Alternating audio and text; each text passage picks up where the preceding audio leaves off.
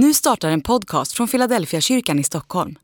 Om du vill komma i kontakt med oss, skriv gärna ett mejl till hejfiladelfiakyrkan.se. Dag 280.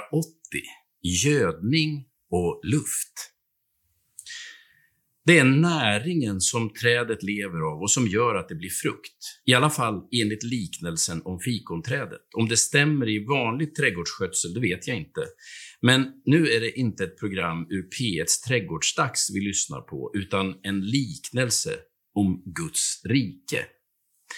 Det verkar som om trädgårdsmästaren menar att tricket för att få liv i det sterila trädet har att göra med näringsblandningen som rötterna suger i sig.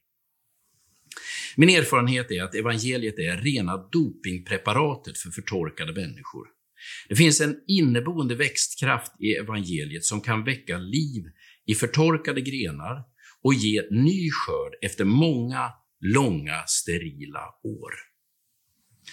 När en människa får tag i Guds villkorslösa kärlek som är uppenbarad i Jesus Kristus, inte bara som en tanke att spekulera i, utan som en cocktail att leva av, då blir det nytt liv i trädet. När man planterar sitt liv i Guds godhet, nåd och omsorg, då spelar det ingen roll vem man har varit tidigare eller vilken sorts frukt man har burit. Evangeliet har kraft att ge ny och hälsosam frukt i människors liv.